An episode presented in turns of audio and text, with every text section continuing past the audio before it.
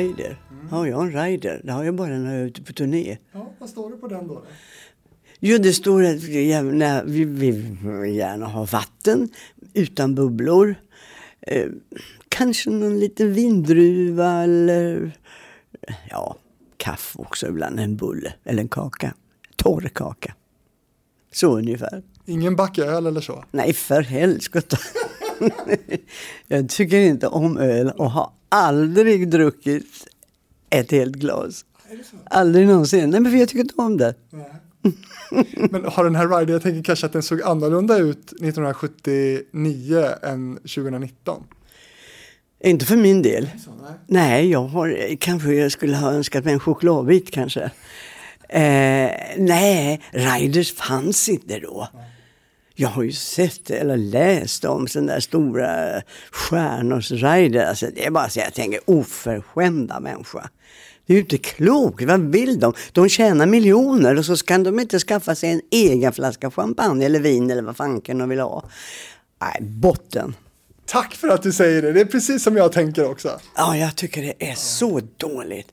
De får, och de ska ha olika fåtöljer och sådana. Men för fanken, de får väl hålla till. De, skulle komma in i en folkparksloge på 60 eller 50-talet du. Då, det var inte mycket till riders där. Men ändå bjöd de på eh, lite vatten och någon, lite ka kaffe. Till och med en, en, en spann där man kan kissa till exempel. För dasset fanns ju utanför. Den hade kissband? Eh, Ja, en spann ja, som man kunde kissa i. Eller så fanns det ibland en liten eh, toalett eh, bakom ett skynke. Alltså, Gud, himlen. Men det gick det med. Du Siw Malmkvist, välkommen till Hitfabriken. Tack så hemskt mycket. Det var hitfabriken. Det låter festligt. Ska vi snacka om hits? Du har ju några stycken. Ja, verkligen.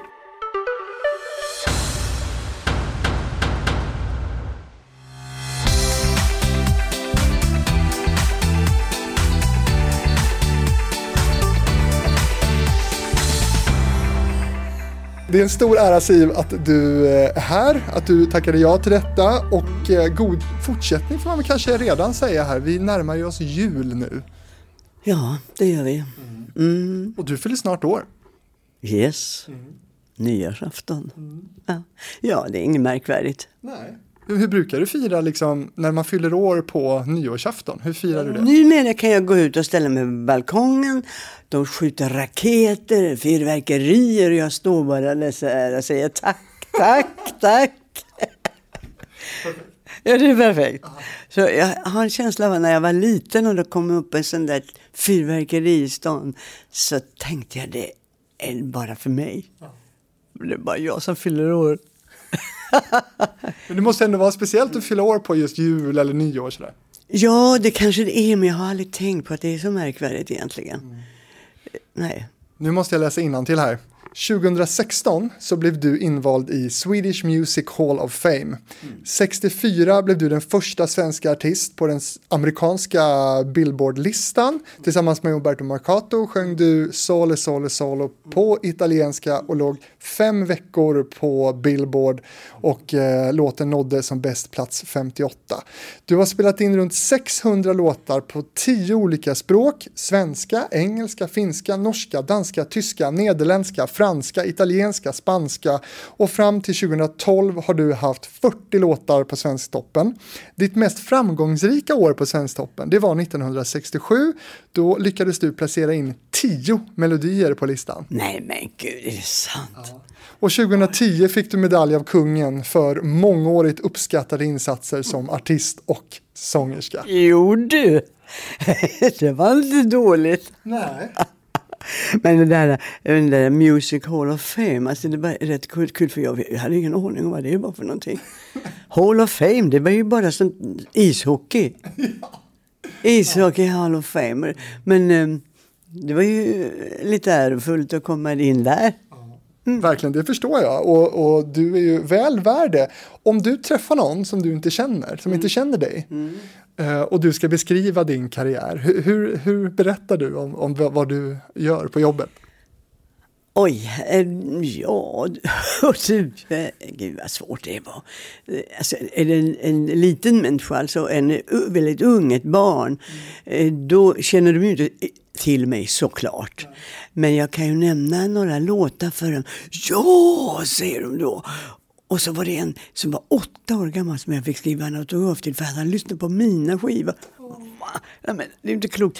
Han tror ju att det är nya låtar. Och så är de så gamla.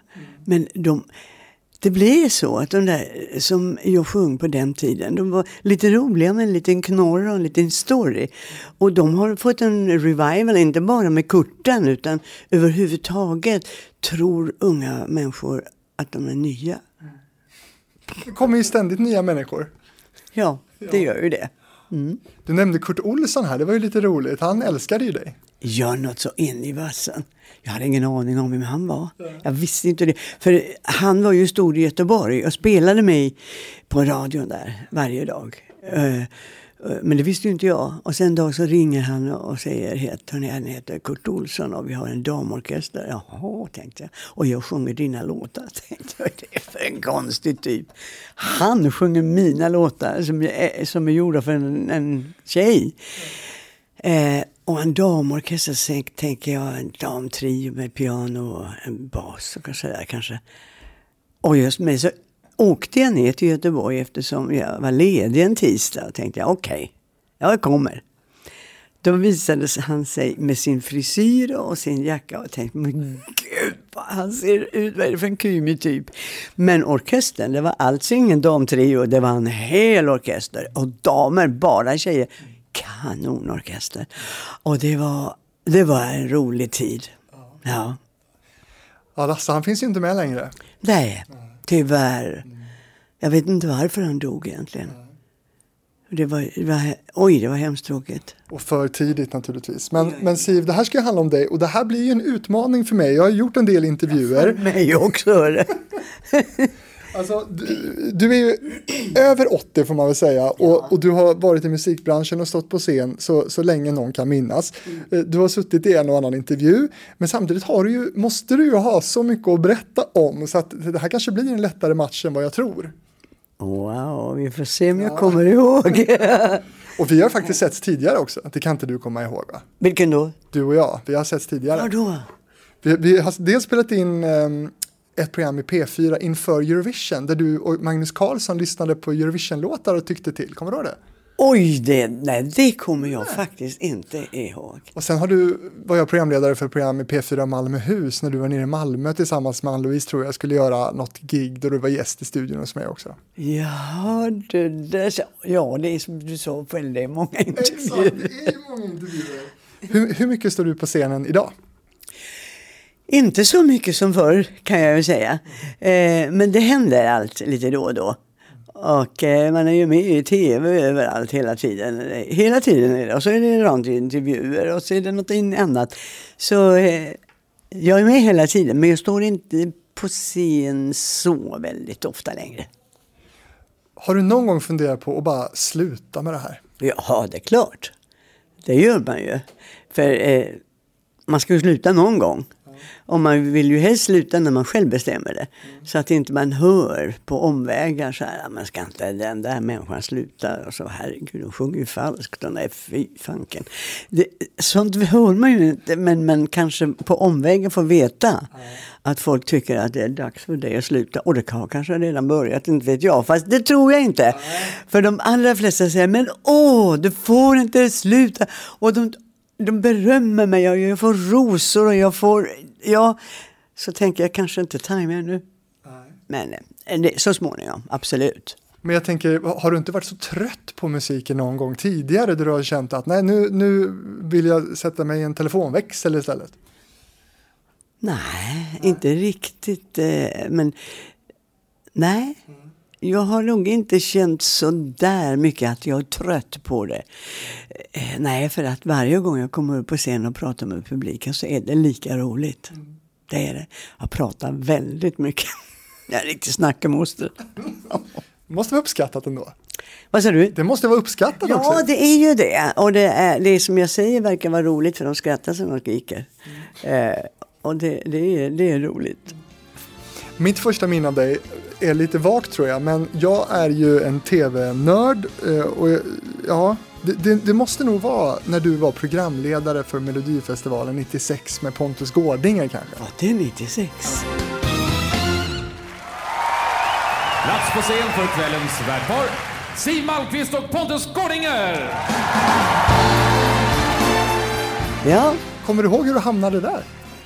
Nej, de frågade mig. Ja. Eh, bara. Och eh, jag kommer inte ihåg om jag tyckte att det var svårt eller vad det var. Det vet jag inte. Men eh, jag, tycker, jag, jag tackade ja i alla fall. Och vi hade ett par roliga nummer. Oj, jag hade ju ett där jag sjöng Amore Scusa med, med en räv. Ja, den var ju för kul.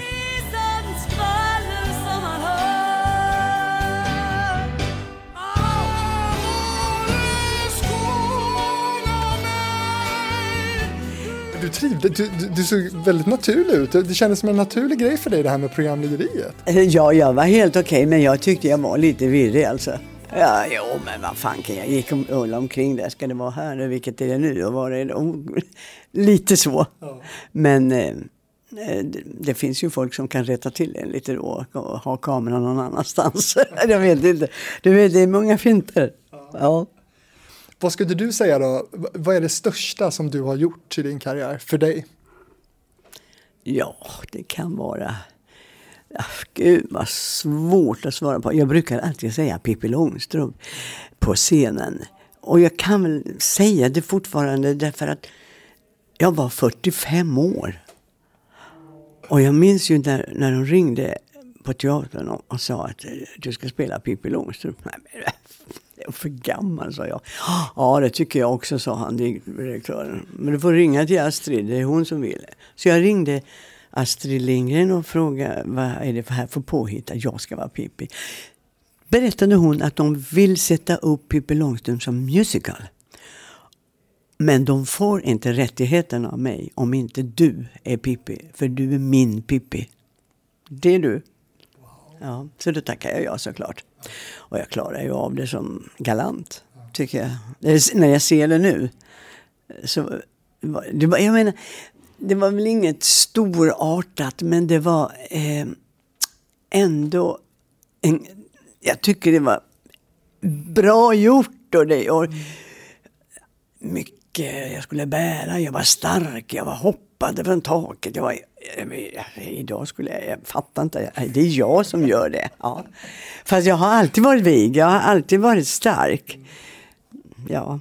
Men eh, för dig var, för Astrid var du Pippi, men kunde du också själv förstå vad hon, hon tänkte där?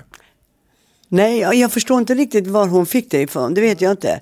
Men själv kände jag att jag är ju Pippi. Jag läste Pippi Långstrump när jag var åtta år. Och jag kände igen mig själv bara. Det att jag har ju inga pengar, jag har ingen häst och ingen apa. Men hennes sätt att vara, det var som jag, tyckte jag. Och du, redan för långa år tidigare så ville hon att jag skulle vara Karlsson på taket. Mm. Nej, sa jag. Det vill jag inte vara. Jag tyckte han var en elak liten jäkla kille. Ja. kan du tänka dig? Men jag vet inte vad hon såg hos mig. Kanske att man alltid var så pigg och check. Då måste du ha träffat Astrid en del. Vad, vad, har du för minnen av henne när du har träffat henne? Ja, de största minnena av Astrid är att hon, hon var så vanlig. Alltså, jag tänkte på det ibland när vi satt i hennes rum. Att hon är så känd över hela världen. Och är tjänat så oändligt mycket pengar och är rik som ett troll men så vanlig, fin, jordnära människa. En, det var en helt vanlig människa. Jag tyckte hon var så underbar. Och naturligtvis var hon ju inte helt vanlig. Men jag, hon, hon upplevdes som en god, vanlig, vanlig Svensson, om man säger så. Siv, jag vet att du älskar tystnaden. Ja, jag tycker det är skönt. Är det en yrkesskada? Nej, det tror jag inte. Det är inte så att jag vill ha tystnad för att jag har tinnitus eller någonting sånt. Utan jag tycker bara det är skönt när det är tyst. Och speciellt om det blir sådär plötsligt tyst. Du tänker ett jäkla väsen runt om dig. Plötsligt stänger de av all musik och allt sånt där. Tänk, Gud så skönt det är med tystnaden. Det tycker jag är underbart. Däremot älskar jag man hör trädens sus, du hör havet, du hör barn som skrattar. Eh, och fåglar som kvittrar. Alltså, det är ju underbara ljud. Men du kan ju nästan inte gå in i vilken affär du än stiger in i så har de någon slags musik. Och jag satt i telefon och väntade häromdagen. Och rätt som det så kommer det någon slags musik. Sen ska, efteråt ska man skriva, ett, så frågar de om de vill, vad man tyckte, hur var det? Så skrev jag, stäng av musiken! Nej men det var så onödigt. Jag tänkte, varför detta bunky, bunky, bunky, bunky, bunk? Det hade varit bättre med tunna skivor. Mycket ja, nu skojar du till det bra. Nej men, men jag tänker, är det någonting med dagens musik tycker du? Eller är det att det är musik? Nej, det är bara att det är musik. Alltså, och det är musik som inte är musik liksom. Det är jag vet inte vad det är, det är elektroniskt alltihopa. Och sen är det en bonk, bonk, bonk som går hela tiden så här. Dunka, dunka. Ja, som man sa förut. Ja. Och jag kan inte förstå. Vill de att jag ska njuta under tiden jag väntar på att hon kommer tillbaka i telefonen? Eller eh, varför? Ja. Och men, affärer, varför? Men säger du inte till dem då? Stäng av. Det kan de inte, de får inte. Och jag säger det för därför att det är högsta chefen. Eller om det nu är på Åhléns eller några stora sådana. Då kan, jag var inne i en affär och sa, du, kan du inte stänga av? Nej, tyvärr kan du inte. Men kan du sänka det? Ja, det kan jag göra. Ska de få oss att handla mer? De får mig till att gå ut därifrån. Där har du effekten av musiken. Mm. Jag älskar det, du går alltså fram till högsta chefen och ber dem stänga av? Inte till högsta chefen utan till expediten och hon säger att jag får inte. Får du inte? Ska du gå i det här hela dagen? Och tänk all julmusik när du. Men herregud, jag blir så trött på det. Tingeltangel. Men hon, jag, jag sa, du ska gå här hela dagen med den här jäkla musiken. Jag hör den inte, säger hon. Nej. Du lys för att det krävs att man lyssnar och det gör inte hon. hon. Den är bara som en ridå bakom henne. Då är det inte kul. Du, då måste jag också fråga hur dina musiklyssningsvanor ser ut då. För jag antar att du lyssnar en del på musik? Väldigt lite. Ja, det är väldigt lite. Mm. Inte som Ann-Louise, alltså. hon kan alla låtar. Hon kan allt. Hon hänger med och jag hänger inte med ett skit. Jag kan, kan inga låtar. Men händer det aldrig att du går fram och sätter på radion eller sätter på en skiva eller så? Ibland, någon gång, när jag vill eh, lyssna på en låt. Hur var den? Hur är texten? Då kan jag sätta på den och så... Eh, ja, no, det händer ibland också att jag känner att jag måste lyssna på honom. Wow, vad bra han sjöng. Eller det är hon. Mm. Så kan det vara ibland, men mindre och mindre. Mm. Det är tyst hemma hos dig idag. Ja, det är skönt. Det är helt tyst ibland. Redan i tonåren så började du med musiken och sjöng med olika orkestrar i Skåne. Mm. Den Siv, vad hade hon för, för mål och för, för drömmar om framtiden? Inga drömmar tror jag. Jag levde för dagen, verkligen. Och, och gjorde det ända från min barndom. Och att jag sjöng i orkestrar bara för att jag tyckte väl att jag kunde sjunga och mina kompisar sa du kan väl gå på och fråga om du får sjunga ett par låtar. Och jag var ju, eh, jag var ju karsk, jag tördes, tordes ju det. Och eh, jag tyckte det var skoj att sjunga bara. Men därifrån till att drömma om att bli sångerska, det, det gjorde jag inte. Jag visste knappt vad det var, sångerska. Jag har hört dem på radion bara. Men men du måste någon gång där börjat inse att, att det här är någonting som jag skulle kunna försörja mig på? Nej, jag hade inte de tankarna alls. Jag tror jag var, jag tror jag var korkad alltså. jag hade inte de tankarna alls. Jag tyckte bara det var roligt att sjunga. Och jag sjöng ibland med min lillebror så la jag på en andra stämman och han blev alltid lika jädra sur. Jag ska sjunga, sa han. Och jag älskar folk som lägger på andra stämmor när man sjunger. Ja, det gjorde fan, men det, han älskar inte alls det. Han tyckte, nej, jag vill sjunga själv, sa han. Och jag, jag kan inte, jag är hopplös på det, jag kan inte lägga stämmor och sånt där. Nej, det är, en, det är lite, nog lite svårt kanske. Lite, det kanske är en speciell förmåga. Jag vet inte. Vem bestämde att du skulle sjunga på rikssvenska? Ingen. Nej, det var bara det att man... Man kan ju inte sjunga på skånska, det går ju inte. Nej, det blev redan från början. Så sjöng jag det. Men jag kan lyssna på mina första skivor att det, jag hör när det är skånska. Lite grann sådär. Och du vet väl att Ann-Louise, när hon sjöng Är du ensam ikväll? Så är det inte hon som pratar där, det är en skådespelerska. Därför att hon kunde ju inte få läsa på skånska. För hon kunde inte prata eh, stockholmska liksom. det, ja. det kan du säga. Men, men har, du aldrig varit, har du aldrig varit sugen på att sjunga på skånska då? Eh, nej, ja, nu tycker jag det skulle vara ganska kul. Men när jag hör Ingenting går upp mot gamla Skåne så tänker jag varför i herrans namn sjunger jag inte på skånska? Ja. Ingenting går upp mot gamla Skåne I Landskrona är det toppen tycker jag Nej men du, vi har inte ens kommit på tanken. Nej, det är makalöst. I Landskrona, ingenting går upp mot gamla Skåne. Det, det är klart att jag skulle ha sjungit den på skånska. Hur låter den på skånska då? Ingenting går upp mot gamla Skåne I Landskrona Där är det toppen tycker jag Ja, men det hade ju såklart varit bättre. Det är klart att det hade varit. Men nu om jag sjunger den så sjunger jag den på skånska. Ja. Ingenting går upp mot gamla Skåne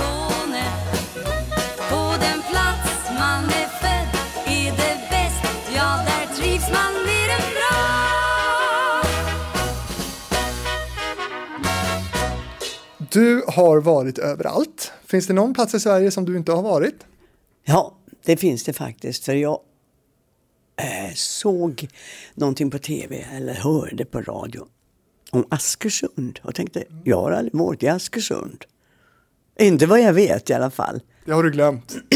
Det har jag nog glömt. Ja, det ska vara det. Och jo, men visst finns det orter jag inte har varit i.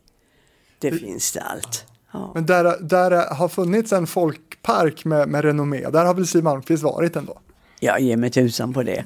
Jajamensan. Du, vad betyder folkparkerna för dig? Det var, det var roligt. Det var folkligt, festligt. Mycket folk. Folk dansade och folk eh, fick lyssna på artister som kom till folkparken. Och det var en mikrofon, två högtalare. Inget konstigt, man hjälpte till och med eh, själv till med att ta bort alla sladdar och allt sånt där sen efteråt. Så det var inga enorma, eh, som det är idag, det är ju flera ton som de kommer körandes med.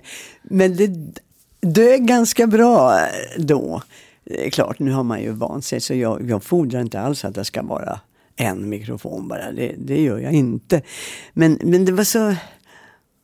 Det var lite det var så mera mm, Var enkelt. Och, och det fanns lite tivoli, du kan köra på hjul och, och kasta pil. Och, eh,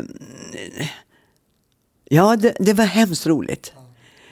Är det något sammanhang som du eh, stöter på idag som, som liknar den där känslan lite från gamla folkparken? Eller är det den död liksom? Eh, Den är inte riktigt död. Nu är det, det finns folkparker kvar, eh, de stora. Eh, Men det fanns även en som vi besökte förra sommaren. Som var över hundra år. Som fortfarande var igång. Och den var, den var precis som det såg ut för. Jag tror inte de hade en pissespann förstås. De hade nog en toalett för artisten. Ja, men annars var det, det, det var underbart att se. Dansbanan fanns kvar. Eh, stånden fanns kvar där man kunde köpa korv och lite sånt där. Så det, det, var, det var jätteroligt. Du målar ju upp en helt fantastisk romantisk Sverigebild med det här nu och så tänker man att det är lite som lumpen kanske, att, att du glömmer bort allt som var liksom ja, bedrövligt också med fylla och allt kanske som måste ha varit. Ja, eh, det kanske jag gör. Det var jag uppe i Sikforsen och det kallades sen för Fylleforsen. För där var en gång, det var 15 000 personer och de trängdes ända uppe vid scenen och en fick tag i min, mitt ben. Då var de helt galna och drog till och jag ramlade baklänges med huvudet i trummorna. Men jag gav tillbaka. Jag tog tag i hans arm och nöp, snöp och det måste ha gjort ont på honom. Men eh, det fanns det inga sådana där galler, vad heter sådana där stängsel? Nej, det, de kom ända långt fram. Och det var, alltså, publiken liksom, eh, var som ett vajande fält. Eh, Det var många som var fulla. Det var, ja, och det var... ehm, och de, eh, ja, det fanns eh, eh, fyllon som, som ropade upp på scenen och, och då skulle man svara då. Men jag, min manager sa, gå inte i svaromål för du kommer aldrig vidare. Äh, och, eh, Charlie Norman lärde mig att om det är någon som ropar så säger jag så här, Hörru du, du som sitter där. Jag har fått en halvtimme på mig att göra mig löjlig. Och du har hela kvällen, så låt nu mig få min chans. Jag hann inte mer än du. Jag har fått en halvtimme på mig att göra mig löjlig. Åh, och jag säger löjlig. Så, så det gick inte bra. Jag skulle inte tagit en paus där. Jag skulle gå vidare bara. Ja. Så det, men jag vet att Ove Thörnqvist han eh, blev ju förbannad ibland och, och, och gick i svaromål sådär. Och det, det, det går inte riktigt. Men, men har du lämnat scenen någon gång? nej. Nej, det har jag aldrig gjort. Eh, Men jag har ju svarat ibland, som sagt. Men eh, mera sällan. Bara... Men du, du, ju, det var ju mycket folk i folkparkerna och du var ju bland de största. Eh, Hade du någon säkerhet med dig? Alltså någon, någon som, som skyddade dig? Nej, det var väl killarna i orkestern kanske. Nej, nej, nej, nej, nej. Ingenting sånt. Ja, det behövdes kanske inte. Det behövdes inte. Jag kunde nog klippa till om det behövdes. Och sen inga riders heller. Nej, jag kunde det var riktigt tuff alltså. Ja, fast jag ångrar mig alltid efteråt och säger gud vad stygg jag var. Men jag kunde inte låta bli. Jag blev så förbannad på honom. Hon, honom säger jag, eller henne. Vem det nu var. Men det var sånt som nästan aldrig hände. Nej. Som tur var. Ja. Har du någon favoritfolkpark?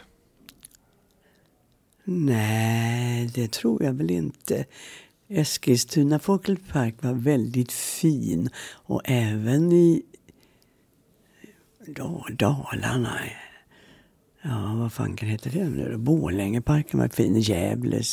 Ja, nej, jag kan inte. Nej, jag kan inte ta ut någon. Men sörjer du lite att den här folkparkstraditionen, eller vad man ska säga, att, att folkparkskulturen, att den inte finns? Lite synd är det. Men det finns ju så mycket annat idag som eh, man intresserar sig av. Att man går Instagram till exempel. Till exempel som inte jag har. Nej. Mm. Ja, du vet det, det blir så. Det blir... Fast ändå så ser jag att när det är danskvällar så är det fullt med folk som dansar. Så det, det kanske är en liten... eh, Folk tycker ändå kanske att det är trevligt att gå ut. Och, För Så tänker jag också, framförallt ibland när man, eh, man, kan gå här i Stockholm, i centrala Stockholm på somrarna och ser uteserveringar. Varenda ställe är ju fullt, alla vill ju gå ut och umgås och äta. Just det. Det stämmer det.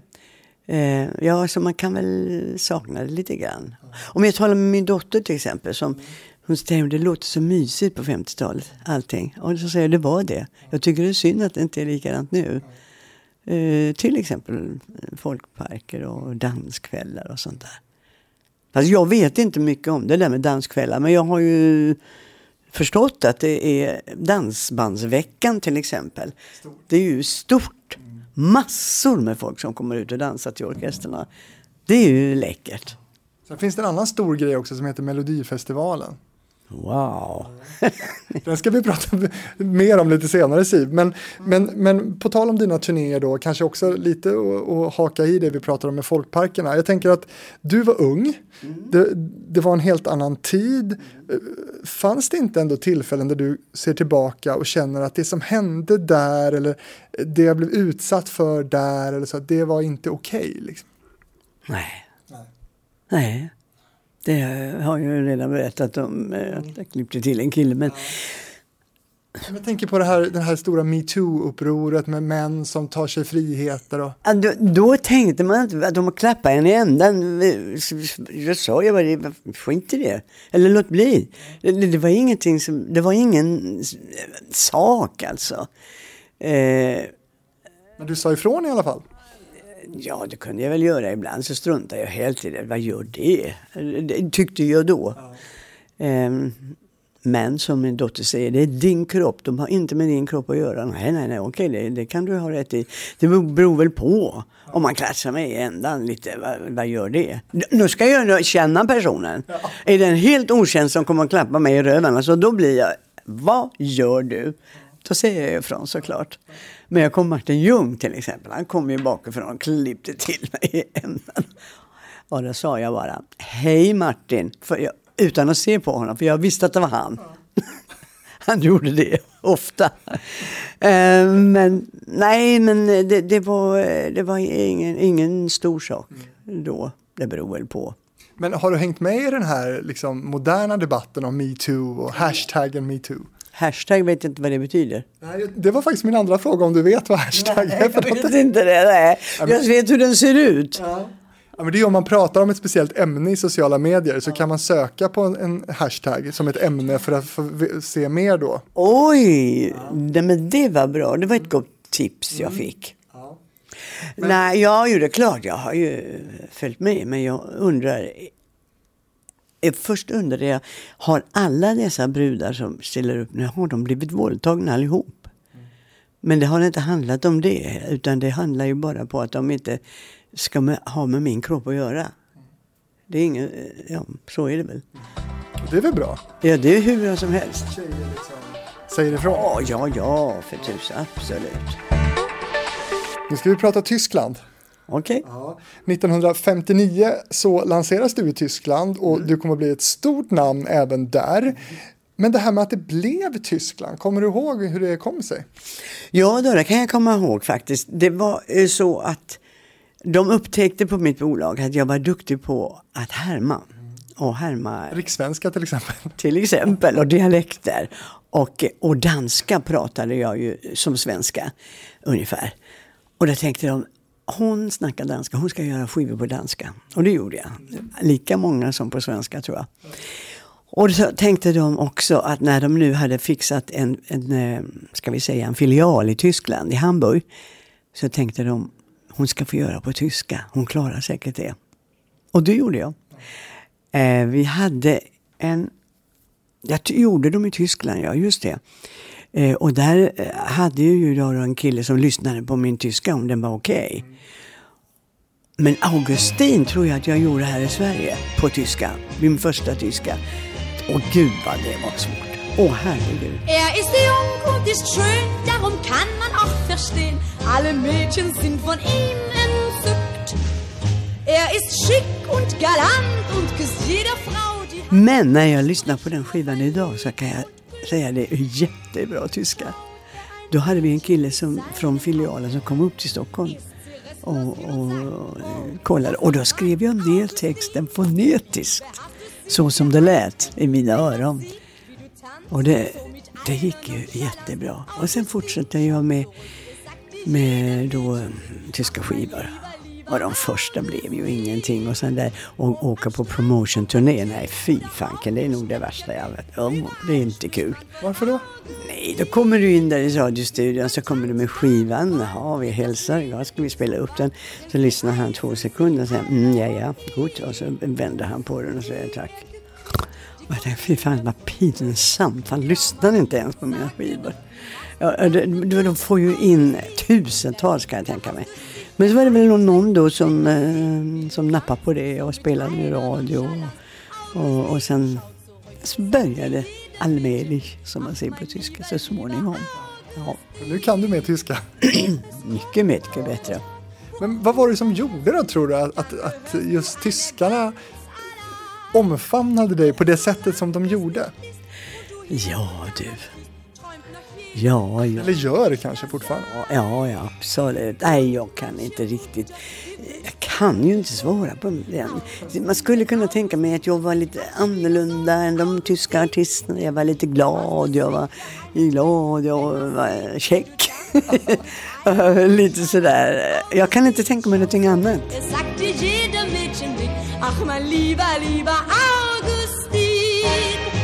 När uppträdde du i Tyskland senast? Ja, det var... När var det? Var det något år sedan kanske? Ja. Men vi hade ju världens succé. Hoppsan, hoppsan, hoppsan. Med, med Gitte, Wenche och Siv eller? Exakt. Gitte Wenche Siv. Alltså herregud vilken succé. Die Show. D-show ja, det är verkligen showen med stort S. För det var i början av 2000-talet som du då turnerade inte bara i Tyskland utan även i Österrike, Schweiz med Belgien. och Belgien. Ja, uh, just det. det. Ska jag berätta om det? Ja, gärna. Det var så att eh, Wenche och Gitte skulle göra en show på Tippi i Berlin. Tippi var ett sånt här stort underbart tält med kristallkronor. Så här, jättepopulärt. Nu skulle de ha en tysk artist, men så säger Wenche, vad ska en tysk artist? Jag är danska, hon är norska. Jag är norska, hon är danska. Ska vi inte ha en svenska så kan vi göra en nordisk show. Wenche ringde mig om jag ville vara med på Tippi. Vi skulle vara där ett par dagar eller någon vecka. Och jag sa, ja, men gud vad roligt. För då hade vi jobbat på bussen med, med Barbro. Och Wenche och Lill-Babs och jag alltså. Så vi skulle göra något liknande i Tyskland. Och Ma Hans Marklund var framme igen och gjorde alltså en sån himla bra show. Och vi gjorde en nordisk show. Det var så, alltså vi hade, hade ett nummer med norska, danska, svenska hembygdsdräkter. Som var fejkade naturligtvis. Men det var, det var mycket roligt, jättekul nummer. Och den veckan blev till tre veckor och den blev ännu längre. Och då säger, så skulle vi åka på turné med den. Så Wenche som är klok, som har varit med länge, säger nej, nej, nej. Nu ska vi köpa den här föreställningen själv så vi äger den. Så, kan det, så är det inte han, arrangören i Hamburg som tjänar pengarna utan vi kan dela på potten. Då. Ja, Gud vad du kan, säger jag, full av beundran. Men kan vi verkligen det? Herregud, det kommer att kosta mer. Nej du, det känner vi in fort. Det går bra. Sen åkte vi på turné. Så var vi i Hamburg och så var vi i Berlin och så var vi i Frankfurt. Och Frankfurt, Frankfurt och Oper. Och på Operan. Och vi var runt i hela Tyskland. Och Östtyskland. Där hade jag bara varit i Östberlin. Jag var med när de byggde muren förresten. Augusti 61. Jag såg när de gick omkring och murade och jag sa, "Va- vad machen Sie? Jag ska, vi ska bygga en mur. Mitt i gatan, säger jag. Ja. Sen så ville han inte säga mer sen. För sen eh, då, det var augusti, mitt framför Brandenburg Tor. Så byggde de den. Ja, nu, var det, nu var det så. Ja, men jätteintressant. Men, ja, mm. Alltså, men nu fick jag se hela Östtyskland också. Fantastiskt var det att komma till Östtyskland. Och vilken massa folk. Och vilken succé vi gjorde. Och alla sjöng med i vårat potpurri som är jättelångt. Alla sjöng med. Ja, det var, och vi höll på ända till 2006. När vi började kommer jag inte ihåg. 2000 tror jag. Åh herregud, då var det längre än vad jag trodde. Jag trodde vi höll på i fyra, fem år. Nej, 2006 var sist. Ja, och då blev det helt plötsligt, du, du var i 60-årsåldern då och så kastade in i turnéliv igen då. Ja, men det var jätteroligt. För nu var vi i ett annat land.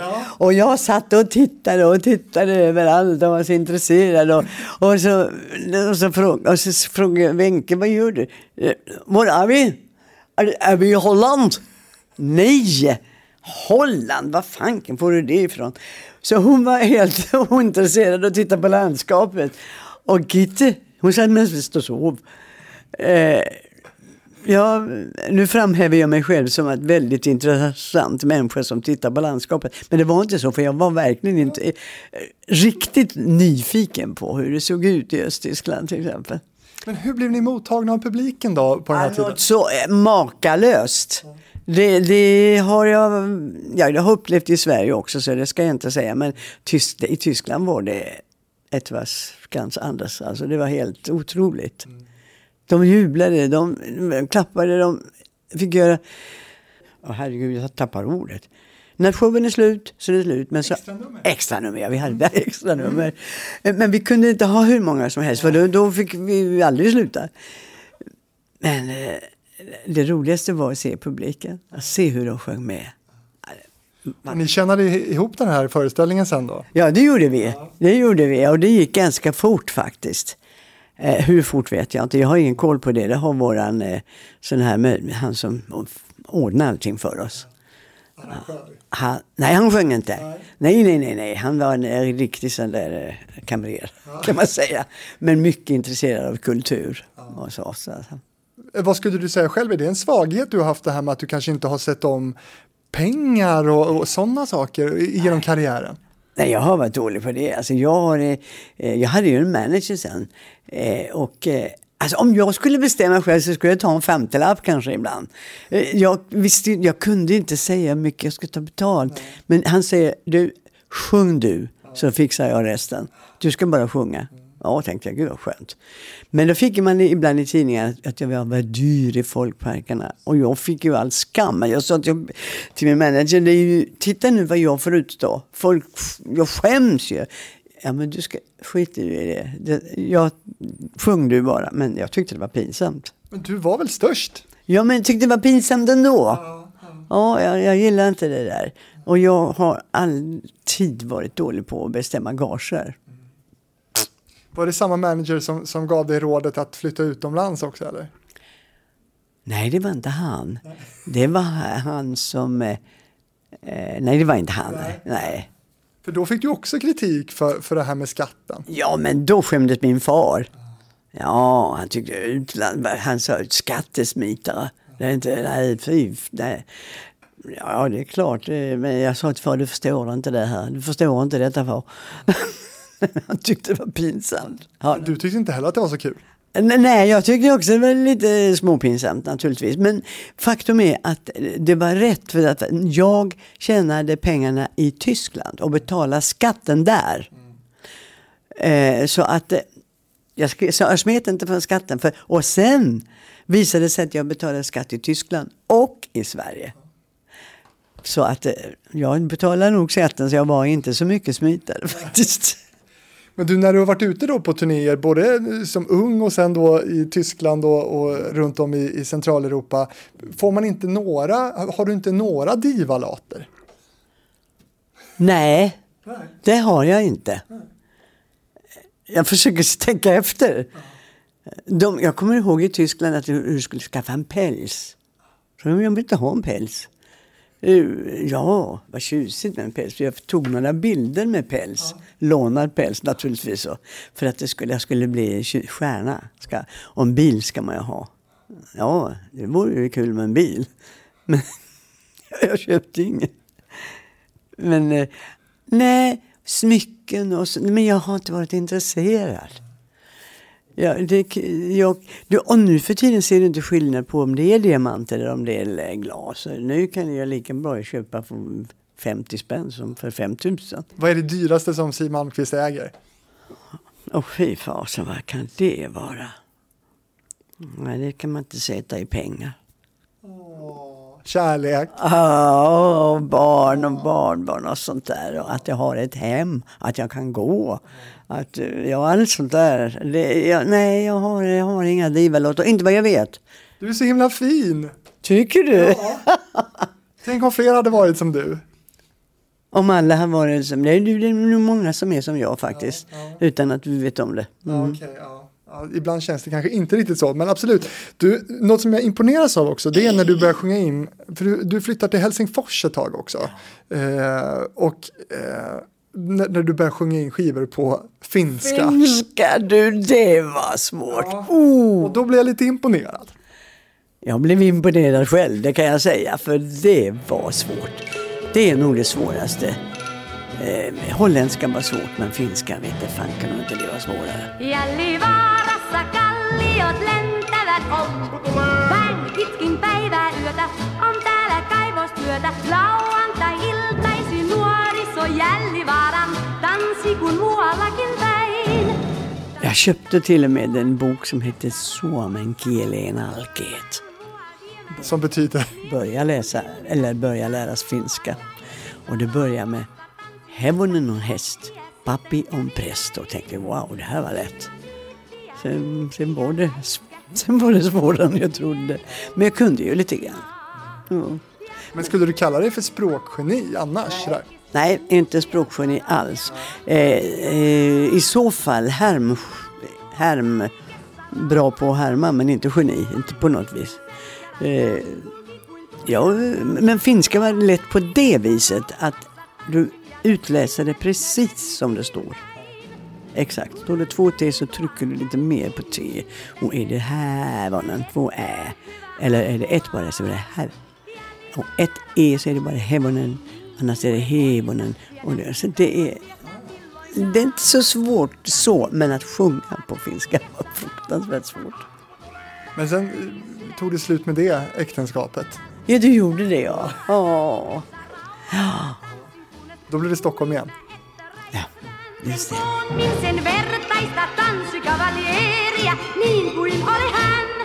Det var en tävling som från början gjorde att du fick åka från Skåne och hamnade i Konserthuset i Stockholm. Sen har ju du blivit förknippad mycket med Melodifestivalen eh, och du har tävlat både för Sverige och Tyskland i Eurovision till och med.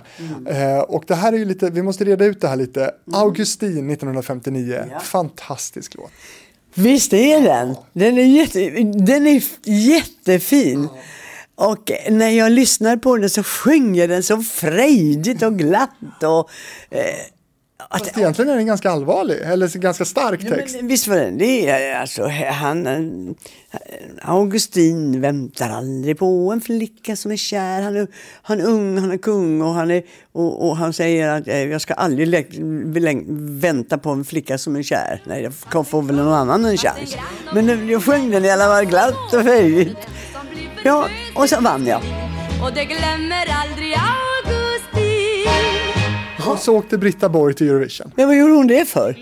Det fattar inte jag. Jo, jo, jag fick en liten förklaring att Britta Borg var erfaren. Men det var ju inte jag, jag var alldeles ny. Och det glömmer aldrig Augustin Men nog fanken hade jag klarat av att komma till Cannes. Det är klart. Ja, det är väl klart, så jag begriper. Det var konstigt. Det var ju mycket konstigt då, för sen april, april 1961 vann du också då. Igen. Alla pigga glada fåglar sjunger kvitt, kvitt, kvitt. Alla västanvindar leker glatt tafatt. Eh, Och då vann du, eh, och då, fick, då var det till och med så att i, i Melodifestivalen så sjöngs April, april både av dig och Gunnar Wiklund. Just det. April när du nu till sist slår ut ditt blonda hår Men Lill-Babs fick åka till Eurovision. Ah, jag kan inte begripa det. April dumma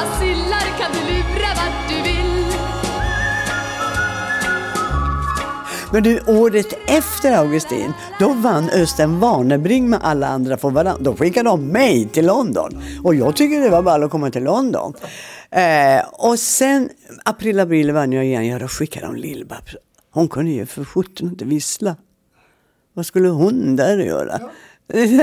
Ifrågasatte du någonsin det här? Nej, det tror jag inte.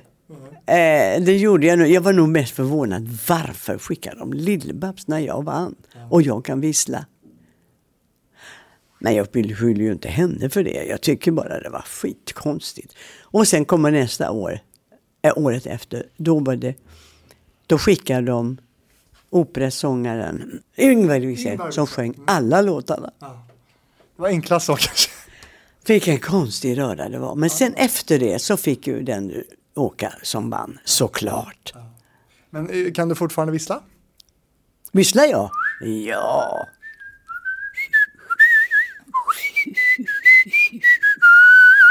Det är klart. Snyggt! Vissla. Ja, jag har ju en sjuåring hemma. Han övar som tusan på det här med att vissla. Ja, du, det är roligt när de börjar. Det blir... Det är så sött. 1988, då har du mer eller mindre blivit lovad att det ska gå väldigt bra för den låten du tävlar i Melodifestivalen med då, nämligen Det är kärlek. Åh, vilka... Ah, du, den ja. Älskar ju den. Ah, den är ju så himla bra. Och den, det var i Malmö. Det är kärlek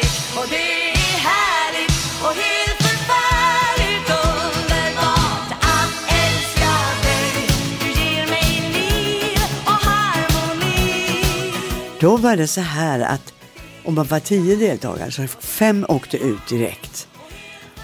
Och så, jag sa, men gud vad pinsamt, tänk om man åker ut innan. Så sa du åker inte ut. Jag sa, vinner du inte så blir du trea åtminstone. Wow, så jag satt där och yvdes lite grann att här ser ni vinnaren. Och sen kommer han ut i pausen och säger, ropar upp de som inte kom med och säger det är kärlek. Va? Kom jag inte med? Nej, tyvärr säger jag. Åh, vilken jädra lång när jag fick. Där har jag suttit och trott att här ser ni vinnaren.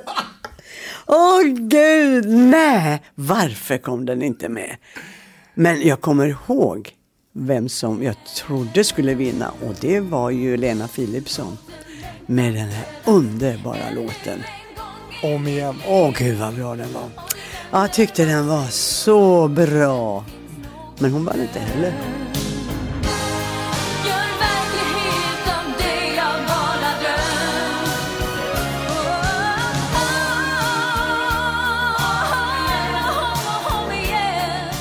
Men kände du inte på det då när Tommy Körberg ställde sig på scenen att, att det här, det här blir farligt? Nej. Jag tyckte att Lena Philipsson skulle vinna med om igen för jag tyckte den var underbar. Det var lite läsarsång över den på något vis. Precis som det var förr i tiden. Om, om igen. Den lät som en gammal... Den var så bra!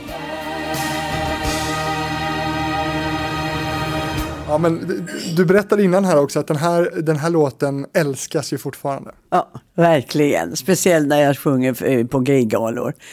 Alla vill höra Det är kärlek och alla sjunger med. Och jag blir så glad. Jag tycker det är så, det är så underbart. Den vill jag de ska spela på radio varje dag. Ja, det, det är ett lyckopiller. Vad sa du? Ja, det är ett lyckopiller och ett bra budskap. Ja, den är så härlig. Ja. Sen så eh, från 88 då så, så dröjer det fram till 2004 innan du ställde dig på en melodifestival igen. Blev du liksom lite ärrad av det där med att, att det gick så pass dåligt då för det är kärlek? Nej, nej inte alls. Det, nej, det kommer jag över snart. Eh, men jag, jag, jag skrattar mest åt att jag var så trodde så väl att jag skulle vinna det. Hur kunde jag tro det? Jo, därför att han hade liksom filmat lite för det där. Att kanske du vinner, för det är en sån bra låt. Men du, sen ställde du dig i alla fall i den moderna melodifestivalen 2004 och sjunger C'est la vie tillsammans med Hansson och Karlsson. Ja, vilken bra låt! Den är också sådär som för att eh, folk eh, sjunger med på refrängen i alla fall. Det gör de. Och, den är, och jag säger, det måste de, de... Ja, jag tycker de skulle ha vunnit.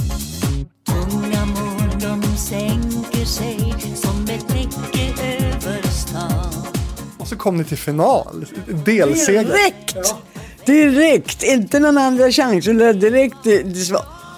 Åh gud vad vi blev förvånade. Men sen, sen sket det sig.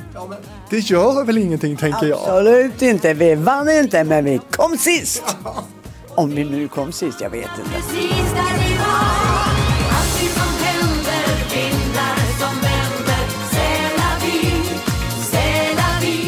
Ni kom sist i finalen, men vet, kommer du ihåg vem som vann? Jo, nämligen hon som du ville skulle vinna 88. Ja visst ja. Jo, det var ju hon med den där käppen, eller mikrofonen. Mikrofonjuck-stativet där. Vad fan kan heta den låten? Oh, synd, nej, om, eh, eh, skam, nej. Va? Det gör ont. Det gör ont. Så då fick Lena sin vinst. Ja, där fick hon det. Ja, men den var ju också bra, ja, visst. Men oh, jag kommer ihåg att de var med After Dark.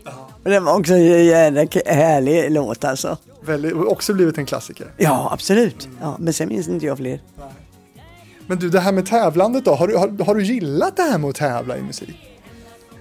Ja, det har jag väl. Ja, det tror jag. Annars hade jag nog inte ställt upp. Men är du färdig med tävlandet? Ja, det tror jag. jo, det är jag. Du stänger inga dörrar verkar det som. Med Melodifestivalen? Nej, nej, nej. Jag ska inte tävla där fler gånger. Nej, nej, nej, nej. Då är du klar med det tävlandet i alla Det fall. är jag klar med. Absolut. Men får du fortfarande erbjudanden? Att tävla? Nej, det får jag inte. Eh, Nej, det tror jag inte. inte. De skickas inte till mig i alla fall. I så fall skickas de till Melodifestivalkommittén eller vad det nu är. Men nej, nej, det, det, det får jag inte. Men är du i studion någonting och spelar in liksom ny, ny musik? Nej, det gör jag inte heller. Så på det området är det nog färdigt. Men hade du velat det? Nej, det är ingenting jag suktar efter.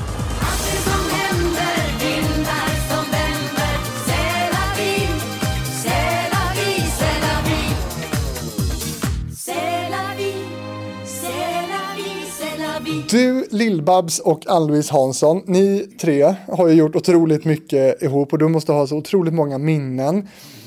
Hur har den dynamiken förändrats nu när Barbro inte finns med?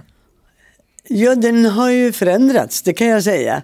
Ehm, ja, vi var ute på turné, Andrews och jag, och det var en stor succé faktiskt. Det var jätte, jättebra.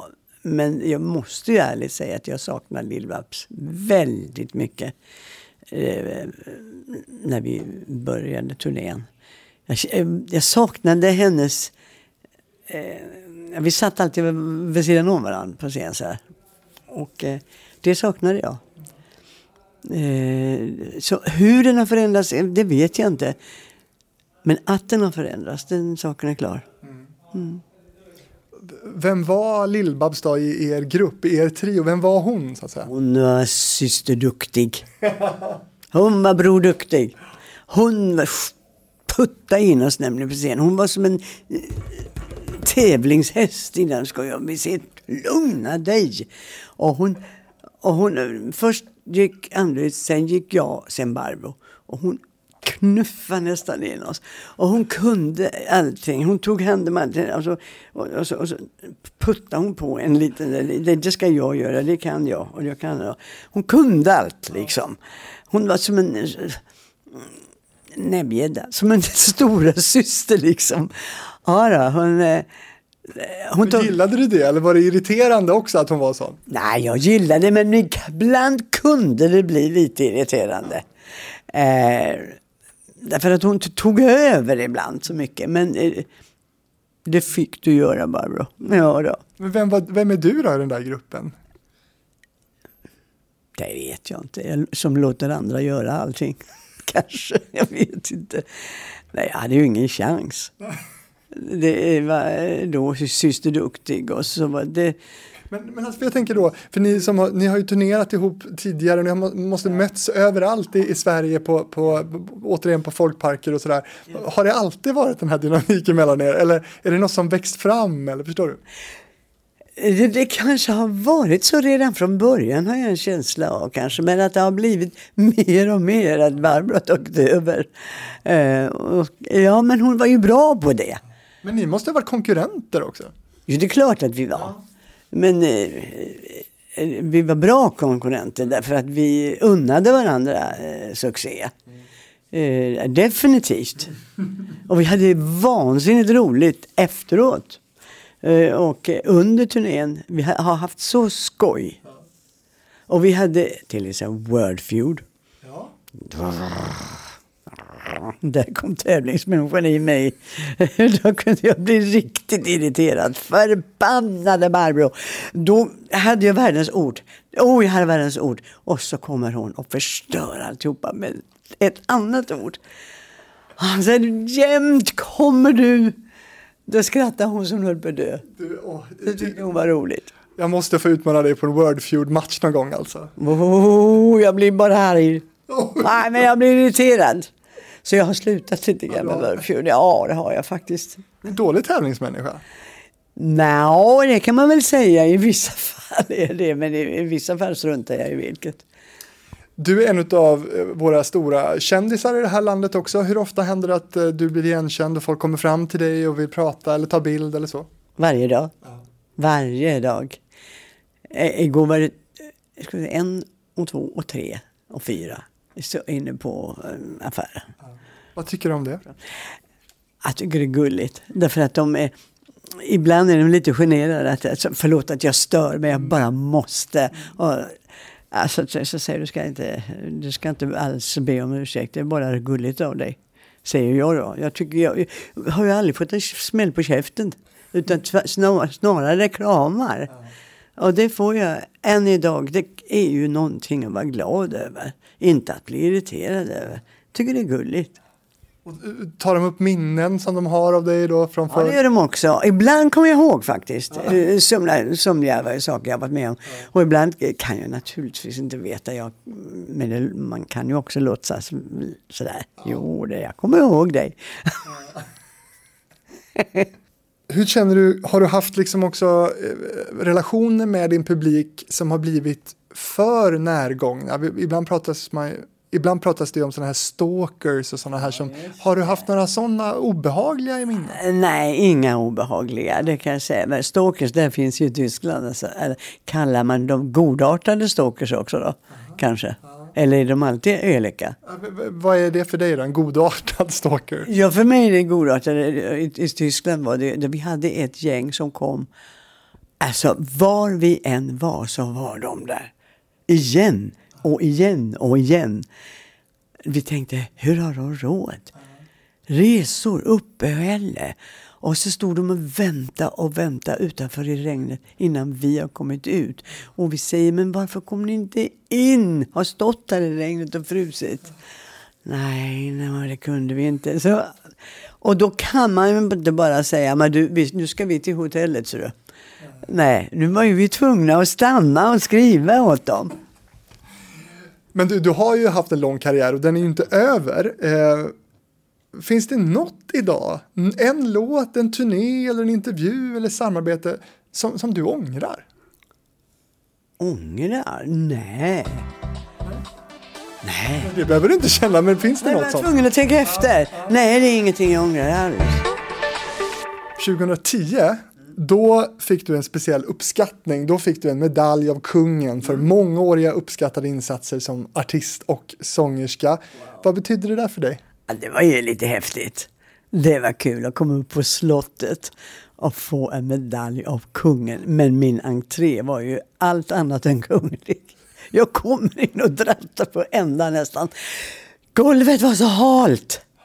Men kungen tog emot mig.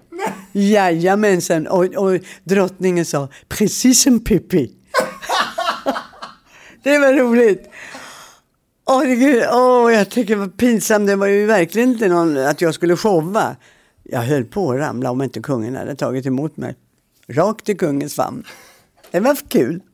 Så du, fick, du hamnade i kungens famn och fick ta emot en medalj ur kungens hand. Ja, och äh, hovfrun där, vem, det nu var, hon sa, ja de här jäkla golven de är så hala. Och det, det var de. Du skulle ta broddar. Jag skulle ha broddar ja, just det. Men Det måste man ju ha, du måste väl du ha broddar? Nej men broddar, jag, Inte när du är på slottet kanske, men, men här på Karlaplan. När man är ute ja. ja. När det är snö, usch, när det är halt. Uh. Men du, hur går det till då det här när man ska bli uppkallad på slottet? Så fick du ett brev eller kom en riddare med pergamentsrull? Nej, man får brev. Eh, och eh, ja, bara det, att få brev, det, det var ju fint, ett fint kuvert med krona på det. Det har jag faktiskt sparat, det kuvertet. Eh, och sparat medaljen också naturligtvis, men jag vet inte när man ska ha den. Nej, Nej det vet jag inte. Var är medaljen? Nej, den är hemma. Ja. Har du någon fin plats åt Den den? ligger i sin lilla ask. Eh, tillsammans med Landskrona stads medalj också.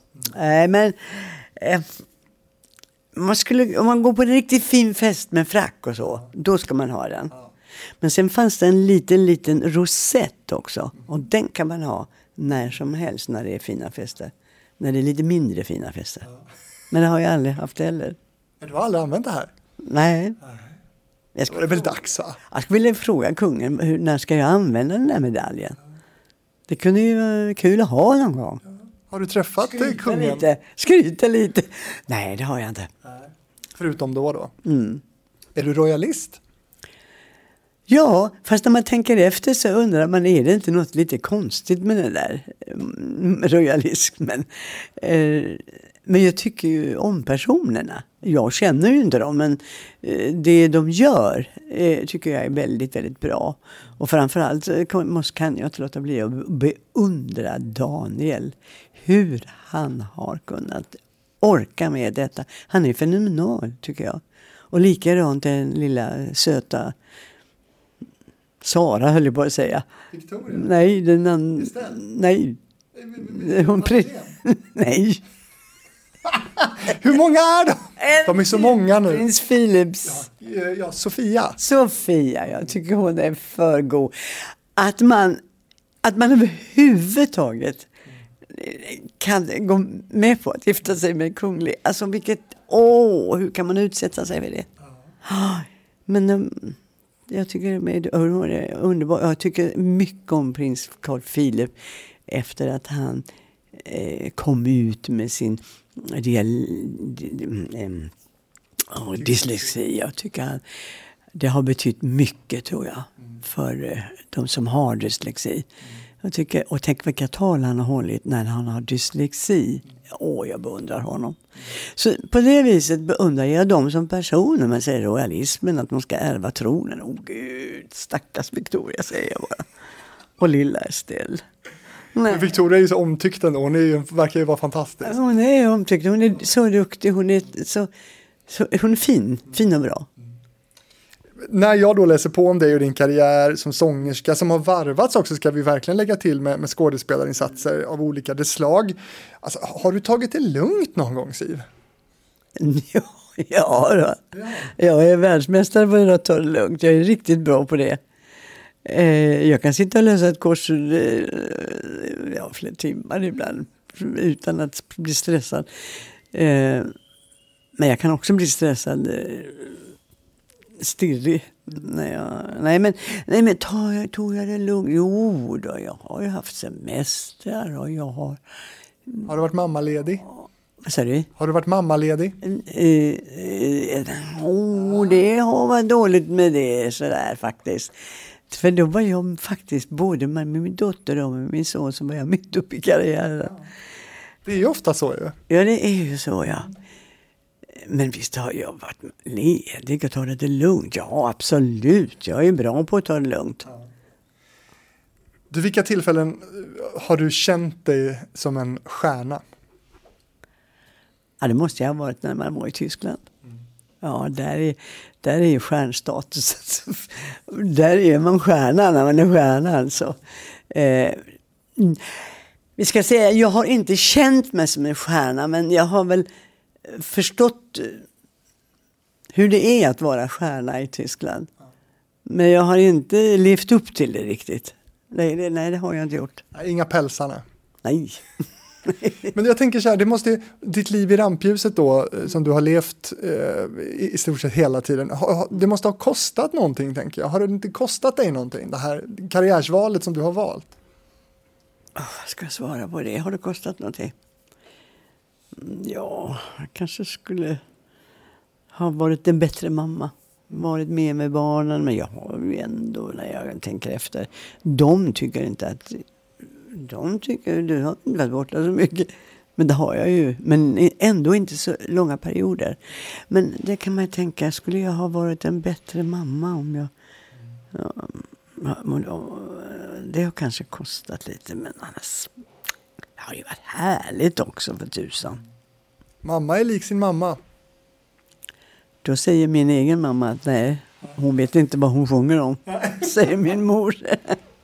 Du, man kan göra många olika typer av konserter eller spelningar. Man kan stå på köpcentrum och spela och man kan ha stora arenaspelningar. På vilka typer av scener trivs du bäst? alla möjliga, men jag ska säga, jag ratar inte en eh, fest när det är jag har varit med en gång när de var 30 personer ungefär. Men det var på en fest eh, på en restaurang. Och det är ett uppträdande som jag eh, minns. Som jag aldrig glömmer, för det var så jäkla trevligt. Det var så kul. Och jag har flera gånger varit med dem när det har varit så få människor. Men det, och du sitter nästan i knät på folk. Då är det, det är riktigt, riktigt kul. Sen har jag varit med om eh, tvärtom. När det har varit jättemycket folk till exempel. Och där har jag bara tyckt att det har varit i någon iskall hall. Det, det har inte alls varit trevligt. Men publiken har varit fantastisk. Men det har varit, nej jag gillar nog när det är lite mera eh, intimt kanske. Men jag ska inte rata de andra ställena. För alla scener duger. Och det är väl kanske vad man gör på scen också som påverkar. Vilken låt gör dig lyckligast att sjunga? Det vet jag inte. Jag kan inte välja. Nej, jag vet inte. Men har du någon som du sjunger gärna? Ja, Mer gärna än någon annan. nej, det vet jag inte. Nej, alla låtarna sjunger jag gärna. Oh, vad ska jag välja? Nej, jag kan inte välja.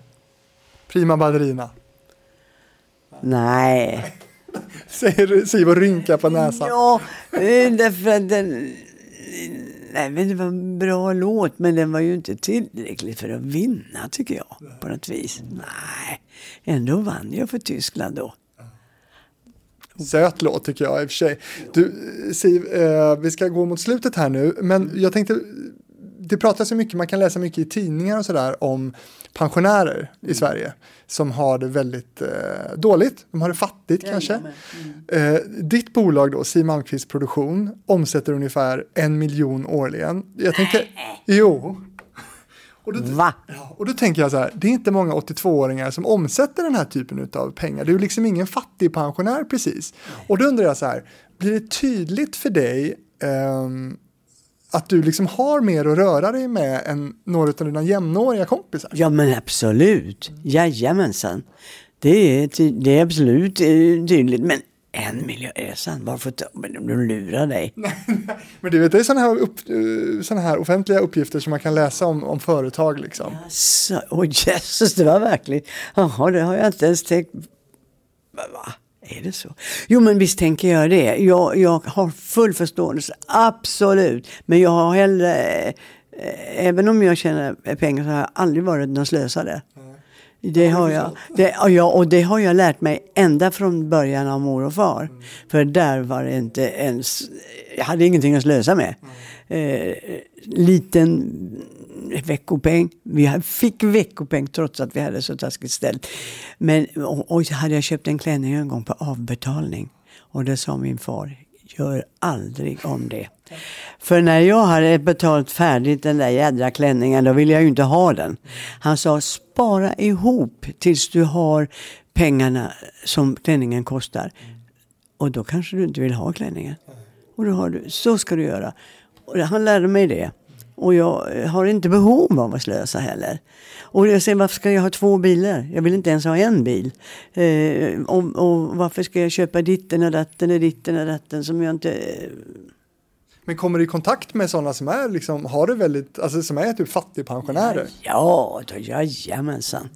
Varje dag. Om, om inte annat så har jag ju människor i min alldeles absoluta närvaro, som närhet, som har det dåligt. Så det, ja, jag vet hur det är. Absolut. Hur tänker du kring det? Så här, att, att det är så många som har, som har så dåligt med pengar när de blir gamla? Ja, Det är hemskt. Det är hemskt att de ska behöva leva, leva på fattigmansnivå. Att, att, eh, att pensionen är liten eller hyran är så jäkla dyr. Och maten är dyr. Och jag, ibland, jag beundrar folk. När jag ser vad det kostar när man går och handlar. Så tänker jag, men hur kan de, de kan jag leva på makaroner bara och sånt där. Gud vad tråkigt. Jag har, jag har en absolut medkänsla. Och det finns de som inte har några pengar alls. Som inte har någonstans att bo heller. Fruktansvärt. Och den människan har inte, säkert inte valt detta utan det kan vara en människa som har varit chef för ett företag, skilsmässa, bostaden delas, inget jobb, får bli friställd, vet inte var de ska ta vägen och blir uteliggare. Det är utan att behöva vara alkoholist. Det finns ju faktiskt uteliggare som inte är alkoholister också. Åh, jag tycker det är synd om dem. Hur kan de? Hur står de ut? Men eh, desto eh, bättre då att, att eh, som du verkligen har jobbat dig fram i din karriär och inte behöva känna så nu då. Ja, jag är jätteglad för det. Jag är verkligen glad och jag är glad för att hjälpa till också. Mm. Siv, det är fantastiskt. Kolla här vad jag har tagit fram. Det här är din diskografi. Åh, det finns mer. Ja, ja, det här är bara en sida. Det här Nej, kommer en sida till. Nej! Det kommer en sida Nej till. men, nej men gud, åh, det var värst. När du, när du ser de här, det är alltså sida upp och sida ner med årtal och plattor i urval, för det finns ännu mer än det här ska jag säga. Mycket mer, ja. Vad tänker du? Kommer du ihåg det?